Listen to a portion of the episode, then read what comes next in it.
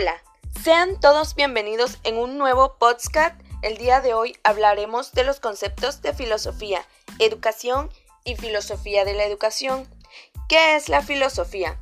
Desde un punto de vista contemporáneo, la filosofía es una ciencia madre de la cual se desprenden todas las disciplinas. Su nombre proviene del vocablo griego y significa amor por la sabiduría. ¿Qué es la educación? Aparece precisamente como posibilitadora de los ideales humanos. En sentido amplio, la educación aparece precisamente como ideales humanos. ¿Qué es la filosofía de la educación?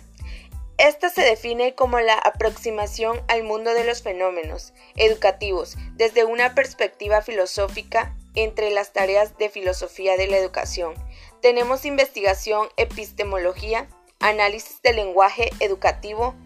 Estas se pueden estudiar individual, pero al igual van de la mano, ya que uno no es sin la otra. ¿Cuál puede ser la utilidad para ti?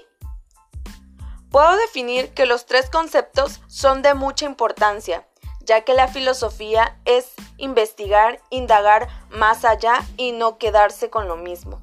Se relaciona con la educación, ya que esta es de utilidad, para nuestra vida diaria en nuestra sociedad y juntos van de la mano.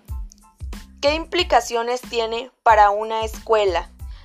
La consecuencia del pleno desarrollo del potencial de los alumnos, tanto personal como social e intelectual. Espero que el contenido de este podcast les sirva para entender un poco más sobre el tema. Yo soy Shari Cristel Arias y esto es Filosofía de la educación.